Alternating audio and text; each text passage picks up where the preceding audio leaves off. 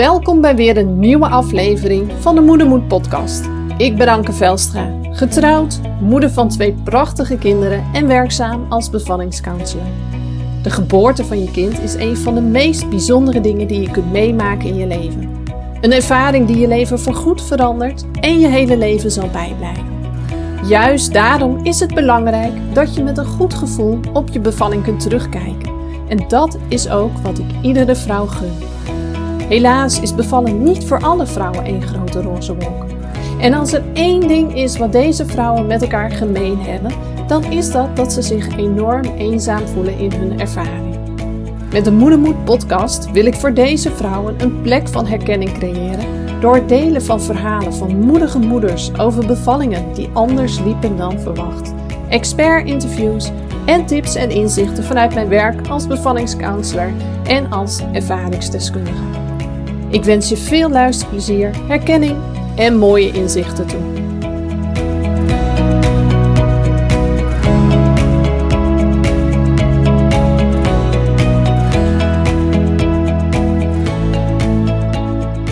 Hey, welkom bij weer een nieuwe aflevering van de Moedermoed podcast. En ik ben blij dat je er weer bent.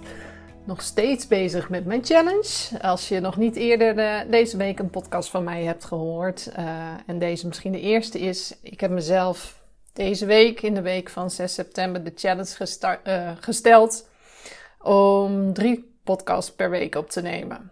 En toen ik mezelf die challenge had gesteld, toen dacht ik echt, oh mijn god, waar ben ik aan begonnen?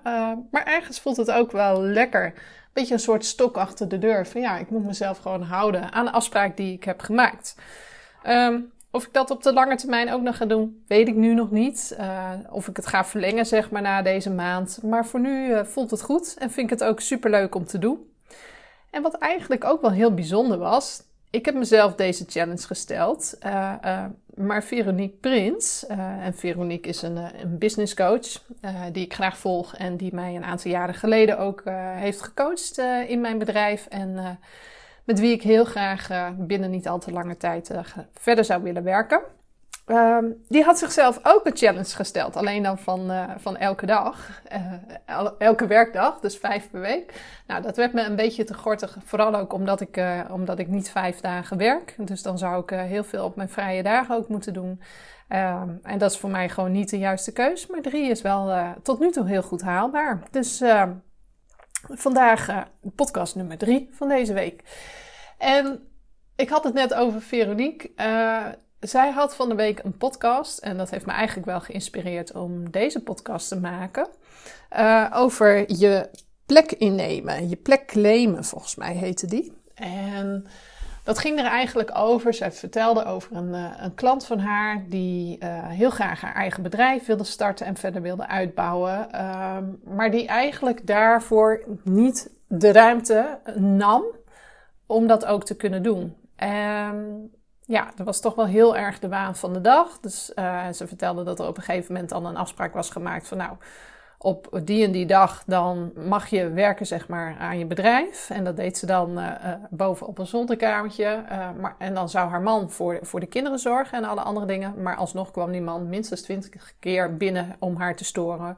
Wat voor flesje moet hij? Hoe dit, hoe dat, hoe dat? Welke kleren moeten er aan? En uiteindelijk, nou ja, je voelt hem al aankomen. De tijd die zij voor zichzelf had en voor haar bedrijf, uh, die werd alsnog helemaal opgeslokt. En dat is eigenlijk, vond ik dat wel heel mooi, uh, dat onderwerp, uh, om ook eens mijn visie over te geven. En niet in combinatie met een bedrijf. Misschien heb je dat wel, misschien heb je dat niet. maar ook in het hele moederschapsgebeuren. Um, Naast dat ik uh, uh, als bevallingscounselor heel veel trauma's doe, naast dat ik vrouwen help voorbereiden voor nieuw bevalling, naast mijn doula-werk, werk ik ook veel met moederschaps- en hechtingsvraagstukken. En wat ik daarvoor inzet is systemisch werken en familieopstellingen. Misschien heb je daar nog nooit van gehoord. Geeft helemaal niks. Dat kan ik heel goed begrijpen. Een paar jaar geleden had ik daar ook nog nooit van gehoord. Inmiddels weet ik er alles van, want ik heb er drie jaar opleidingen in gevolgd. Maar wat ik het mooie aan deze techniek vind, is dat uh, het gaat over de ziel, over je gevoel. Weet je, er zijn zoveel dingen die we met ons hoofd wel kunnen beredeneren en die we in ons hoofd wel op een rijtje hebben. Maar er is ook nog iets wat dieper is dan dat. Hè? Je hebt je bewustzijn, alles met je hoofd. Dan heb je nog je onderbewustzijn. Nou, bijvoorbeeld met hypnose kun je heel erg werken op het onderbewustzijn. Uh, ik heb ook NLP-opleiding gedaan. Uh, nou ja, dat gaat heel erg ook over het onderbewustzijn en hoe je dat kunt beïnvloeden. Nou, dat is gewoon super leuk, super waardevol is dat ook voor mij geweest. Um, en toch merkte ik in die opleiding, ik had hele grote stappen toe gezet, dat dit ergens op bleef haken. En toen zei mijn docent ook al van ja, maar dit los je niet op door NLP, op het onderbewustzijn, op dat niveau. Maar dit gaat dieper dan dat. Dit zit op het niveau van de ziel. Wist ik veel, nog nooit eerder van gehoord. Nou ja, uiteindelijk, dat was dus de eerste keer dat ik überhaupt hoorde over systemisch werken en over familieopstellingen. Um, ja, mijn nieuwsgierigheid was geprikkeld. Dus ik, ben er, uh, ik heb me eerst een keer daarop laten coachen. Toen zei ze van kom naar een, uh, een systemische werkavond. Uh, dan kunnen we het opstellen met, met representanten. Dat zijn ja, mensen die eigenlijk ook tijdens zo'n avond aanwezig zijn. En die iets of iemand uit jouw vraagstuk representeren. En daarmee contact maken.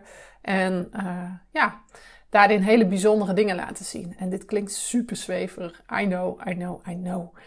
Uh, maar ik weet zeker als je het doet en ervaart, uh, dat het je een heel ander beeld zal geven.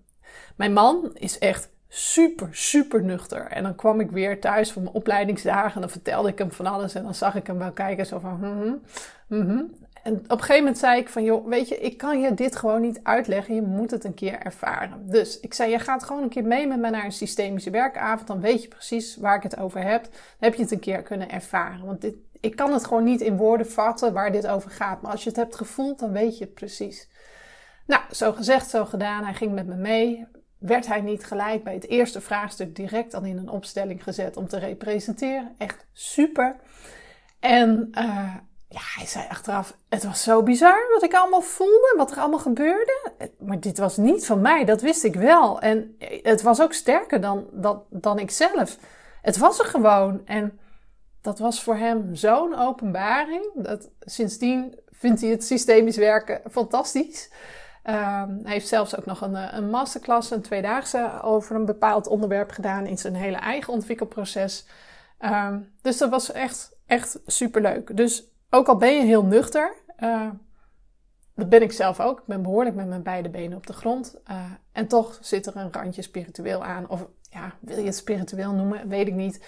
Een stukje, er zit een stukje in wat, wat je niet kunt uitleggen. Uh, waarom het zo werkt. En ja, dat maakt het ook wel voor sommige mensen een beetje zweverig. Maar ik weet zeker dat als je daar de juiste persoon voor vindt om dit met je te doen, die bij jou past, zweverig of juist helemaal niet, het gaat je echt hele fantastische dingen brengen. Maar goed, dat was even een, eh, een uitstapje naar het systemisch werken. sorry, sorry. Ehm, wanneer moeders bij mij komen met moederschapsvraagstukken, bijvoorbeeld van, nou ja, ik ben nu moeder en ik had er hele grote voorstelling van, maar ik vind het gewoon eigenlijk helemaal niet leuk. Uh, ben ik dan wel een goede moeder? Nou, dat soort vraagstukken komen echt heel veel voorbij. Zet ik eigenlijk altijd de techniek systemisch werken in. Want waarom? Deze vrouwen weten wel dat ze een goede moeder zijn. En uh, met hun hoofd kunnen ze alles beredeneren en op een rijtje zetten, maar er zit iets veel diepers onder. Wat gezien mag worden uh, om ook verandering, een verschuiving in dat proces te gaan brengen. En wat ik heel veel zie gebeuren op het moment dat vrouwen moeders worden, is dat zij zelf verdwijnen. Een opstelling die ik dan ook regelmatig doe, is de opstelling van uh, leg een mat neer voor de vrouw die je bent. Ook nog steeds, ook al ben je moeder. De moeder die je bent en de moeder die je graag zou willen zijn. Of denkt te moeten zijn, dat zou ook nog kunnen. En wanneer die matten neergelegd worden, wat ik heel vaak zie gebeuren, het zijn eigenlijk verschillende dingen, maar een van de dingen die ik heel vaak zie gebeuren is dat de vrouw die ze zijn, nog steeds, ook al ben je moeder, eigenlijk verdwijnt onder het moederschap. Dus dat, hè, ik laat ze het altijd neerleggen met matjes. Dus leg een matje neer voor de vrouw die je bent en de, en de moeder die je bent. En wat ik heel veel zie gebeuren is dat het matje van de moeder die je bent over het matje van de vrouw die je bent heen gaat. Net of die niet meer bestaat. Net alsof je van je hele oude leven, wat je ooit had en wat je ook heel fijn vond, afscheid hebt moeten nemen. Ja, dat, dat schuurt, dat raakt. nou, mijn stem is een beetje vervelend vandaag. Dus dat, dat doet iets met mensen. En dat geeft ook vaak het gevoel van ik vind het moederschap niet leuk, want ik ben alles wat ik daarvoor ook was en alles wat ik daarvoor ook had verloren. En hoe zie ik dat dan vaak gebeuren? Dat mensen, dat moeders op het moment dat ze moeder zijn geworden, eigenlijk bijna geen activiteiten meer voor zichzelf doen, voor de vrouw die ze zijn. Zonder de kinderen mee te nemen op sleeptouw, maar echt voor hunzelf. En dat willen ze vaak wel, maar dan gaat het op zo'n manier zo van, nou, als er tijd overblijft, nou, dan ga ik even lekker in bad. Of dan ga ik dat boek lezen. Of ik maak een wandeling en ik zet lekker een podcast op. Weet je, het hoeven niet gelijk hele grote activiteiten te zijn. Het mag ook klein, maar ze zijn wel heel belangrijk. Maar als je die activiteiten niet plant, dan is er de waan van de dag. En als de waan van de dag er is, ja, je weet zelf hoe het gaat, dan denk je aan het einde, op het moment dat je aan het einde van de dag, op het moment dat je je bed instapt, van oh ja, ik had eigenlijk vandaag toch ook wel heel graag in bad gewild. Of nog even die wandeling in mijn eentje willen maken. Is er weer niet van gekomen. Nou, morgen maar weer zien. Maar de morgen herhaalt het zich weer. Overmorgen herhaalt het zich weer. En het, het bizarre aan het hele stuk is, um, ja, dat zit in, heel veel van ons als vrouwen, is dat wij onszelf ook um, dat niet gunnen of zo. En onze ruimte daar ook niet voor opeisen. ik weet nog wel, toen, toen ik herstelde van de geboorte van mijn jongste, en dat is gewoon een heel langdurig traject geweest, bijna vier jaar geleden, dat mijn, mijn man, die ging erop uit. Weet je, die ging even boodschap halen, ging even dit doen, ging even dat doen. Hij ging naar de voetbal. Hè. Hij, eh, hij is Cambuur supporter, dus eh, dat is zijn clubje. Nou, daar ging hij weer naartoe. En ik bleef altijd achter met de kinderen en vaak met hulp erbij, want zeker de eerste periode kon ik nog niet eens alleen zelf voor mijn kinderen sturen, zorgen.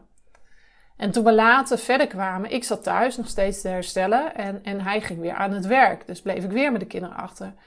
Dus dat hele stukje voor mijzelf, dat was er gewoon niet meer. Maar hij was het ook een soort van gewend geweest. Doordat ik toch nog veel thuis was en veel moest herstellen, kon hij doen en laten wat hij wilde. En, en, en ging hij ook zo weg. En dat maakte me op een gegeven moment zo boos en zo gefrustreerd. En hij kon er niks mee. Dat op een gegeven moment hebben we het daarover gehad. Ik zo, jij bent ook gewend geraakt aan deze situatie. Dus toen ik weer wat begon te werken, toen dacht hij er niet over na dat er ook iets geregeld moest worden voor de kinderen. Hij liep ochtends de deur uit en uh, succes. Ja, en hoe ik dan? Uh, dus door erover te praten, en doordat ik mijn ruimte daar ook in heb kunnen nemen. Zo van, joh, maar weet je, die situatie die was, die is gewoon nu voorbij. Uh, weet je, ik ga ook weer aan het werk. Hè? Dus uh, daarin zijn we nu wel gelijkwaardig. Um, daardoor die ruimte te claimen, maakte ik hem ook een stukje bewust en konden we een betere verdeling afspreken. En dat is waar het heel vaak op misgaat. Dat we die ruimte voor onszelf, hè, voor het zelf, voor jou als vrouw die je bent, dat we die niet nemen. En dat we de waan van de dag laten regeren. En dat we het ook aan de ene kant oké vinden hè, dat onze partners het wel doen. Uh, en aan de andere kant er ook heel veel frustratie uh, erbij voelen van waarom zij wel en waarom ik niet. En dat heeft alles met het innemen van je plek te maken. En dat is precies waarin ik heel veel werk rondom uh, moederschapsvraagstukken en systemisch werken. En dan gaat het niet over datgene wat aan de bovenkant zichtbaar is, maar het gaat ook veel meer over de laag diepe, de laag die daaronder zit. Dat noemen we ook wel met een, een ander woord, de onderstroom, zeg maar. Wat niet zichtbaar is aan de oppervlakte, wat we vaak niet kunnen beetpakken, waar we niet de juiste woorden aan kunnen geven, maar wat er wel is, een, bepaalde beweging die ons een bepaalde kant op stuurt. En dat stukje, dat wat je niet kunt beetpakken, wat je niet kunt benoemen, niet kunt aanwijzen, Dat stukje kunnen we zichtbaar maken door middel van een opstelling. Want heel vaak komt dit ergens vandaan. Weet je, alles wat je nu doet in je huidige leven, op dit moment en in de toekomst, ja, we willen er liever niet aan geloven, maar dat wordt ook gevormd door waar je vandaan komt, door alles wat achter je ligt, door je opvoeding, hoe je bent opgegroeid, wat je allemaal hebt meegemaakt. En heel vaak willen we daar liever niet naar terug. Hebben we zoiets van, joh, nou, dat heb ik al tig keer uitgewerkt, dat stuk met mijn moeder of met mijn vader, of uh, wat ik heb meegemaakt vroeger, of het pestverleden, noem maar op. En komt het nu weer bij me terug? Ja, maar op een ander niveau. Wat ik heel veel zie gebeuren, uh, mensen die met dit soort vraagstukken worstelen en ook niet goed hun plek en hun ruimte durven te claimen voor de vrouw die ze zijn, nog steeds, naast alle andere rollen die ze uh, vervullen in het leven. Hè? Partner van, moeder van, uh, werknemer van of eigenaar van een bedrijf van. Noem maar op. Ehm, dat stuk eigen, dat stuk zelf, en dat niet durven claimen heeft heel vaak te maken ook met hoe je bent opgegroeid en wat je daarin hebt meegemaakt. Vaak zie ik bij die vrouwen dat zij vroeger in hun gezin van herkomst, in het gezin waar zij zijn opgegroeid met hun ouders en met hun uh, uh, eventuele broertjes en zusjes, dat ze daarin eigenlijk niet helemaal volledig hun eigen plek hebben kunnen innemen en zich aangepast hebben, aangepast gedrag hebben vertoond om het systeem. Hè, en alles is een systeem, je familie is een systeem, hè, die zijn op een bepaalde manier met elkaar verbonden en alles wat de een doet heeft ook weer invloed op de ander en heel veel op een onbewust niveau. Um, dus heel vaak in dat systeem zie je dus dat, het, dat de vrouw die nu deze vraagstukken heeft als kind iets heeft gedaan om dat systeem te balanceren. Omdat er iets was wat niet helemaal oké was. En meestal is het zo dat als mensen niet goed ruimte voor zichzelf durven te claimen en te nemen, maar juist heel erg veel geven aan de ander. Heel mooi vraagstuk ook, balans tussen geven en nemen. Die hebben zich vaak vroeger als kind ook heel erg aangepast. Omdat zij het gevoel hadden, en vaak zijn deze mensen heel sensitief en voelen ook heel duidelijk wat een systeem nodig heeft om in balans te komen. Deze mensen, door hun sensitiviteit, hebben ze dat opgepikt en hebben ze dus gedrag vertoond dat, dat help, volgens hen helpend was voor het systeem. Um, een simpel voorbeeld om, om, om dit een beetje ja, een beeld te laten vormen. Stel je voor dat jij opgegroeid bent in, het, in een systeem um, waarin, waarin je bijvoorbeeld een broertje of zusje bent kwijtgeraakt. Of waarin een heel ziek of gehandicapt kindje is geboren. Een, een gehandicapt broertje of zusje. Kinderen die heel sensitief zijn en die voelen dat het systeem iets nodig heeft, die voelen dat dat overlijden of de ziekte of de handicap van een broertje of zusje een behoorlijk zwaar lot is voor hun ouders. En hoe jong deze kinderen ook zijn, ze nemen dan vaak een innerlijk besluit op de manier van: laat ik maar niet lastig zijn voor mijn ouders, laat ik maar niet aandacht vragen. Laat ik misschien maar het zonnetje in huis zijn voor ze, om ze een beetje op te vrolijken, om het allemaal wat lichter te maken. Um, zodat het systeem weer wat meer in balans kan komen. Dat is wat je heel vaak terugziet. En het mooie is ook dat door deze manier van werken, dat soort dingen, dat soort stroom, ja, ik noem het maar stroming, dat dat zichtbaar wordt. Dat is zo mooi aan die manier van, systemische manier van werken. En daarom ben ik er ook zo verliefd op. Ja, het, klinkt gek, maar ik vind het echt fantastisch. Dat hoe je bent opgegroeid, wat je hebt meegemaakt en wat je hebt betekend in dat systeem, dat is niet iets wat je zomaar overboord gooit op het moment dat je ouder wordt en in andere systemen terechtkomt. Sterker nog, datzelfde wat je in het systeem hebt gedaan vroeger, het, het gezinssysteem, het familiesysteem, neem je mee naar andere systemen. Bijvoorbeeld een systeem van je werk. Bijvoorbeeld een systeem van uh, een vriendschap of uh, een, een, vereniging waar je bij bent aangesloten. En ook in je huidige gezin, hè, met je partner en met de kinderen. Dus je neemt het mee. En dat gedrag herhaalt zich. Alleen ben je, nog, ben je nu die uh, volwassen vrouw. In de kindertijd was dit een manier waarop dat kleine meisje zich kon staande houden in het systeem met alles wat daarin gebeurde. En soms gebeurden daar gewoon heftige dingen in. Het heeft je heel ver gebracht. Mogelijk heb je daardoor dingen gedaan uh, op een manier waar je laat, nu gewoon heel trots op terug kunt kijken. Dus het heeft je ook zeker dingen gebracht. Alleen je kunt op een punt komen in je leven dat je voelt dat hoe dat kleine meisje zich staande hield ooit, dat dat begint te schuren in het nu. Dat je je verlangt eigenlijk naar die vrouw die je ooit was, de vrijheid die daarbij hoorde en de dingen die je toen deed. En uh, ja, dat je eigenlijk alleen verantwoordelijkheid voor jezelf droeg. En dat je dat gevoel hebt dat je dat compleet kwijt bent geraakt op het moment dat je moeder bent geworden. Dus hoe mooi is het door middel van een opstelling om dat zichtbaar te maken? En een opstelling is nooit een, een pasklaar antwoord op een vraag hierover, maar het is altijd een verschuiving in een proces. Dus daar waar je het eenmaal hebt gezien wat er is gebeurd, maar ook hebt gevoeld en uh, dat we daarin echt de ziel hebben geraakt. Dus dat er vaak hele diepe emoties naar boven komen. En dat kan verdriet zijn, dat kan pijn zijn, maar dat kan ook boosheid zijn of weerstand.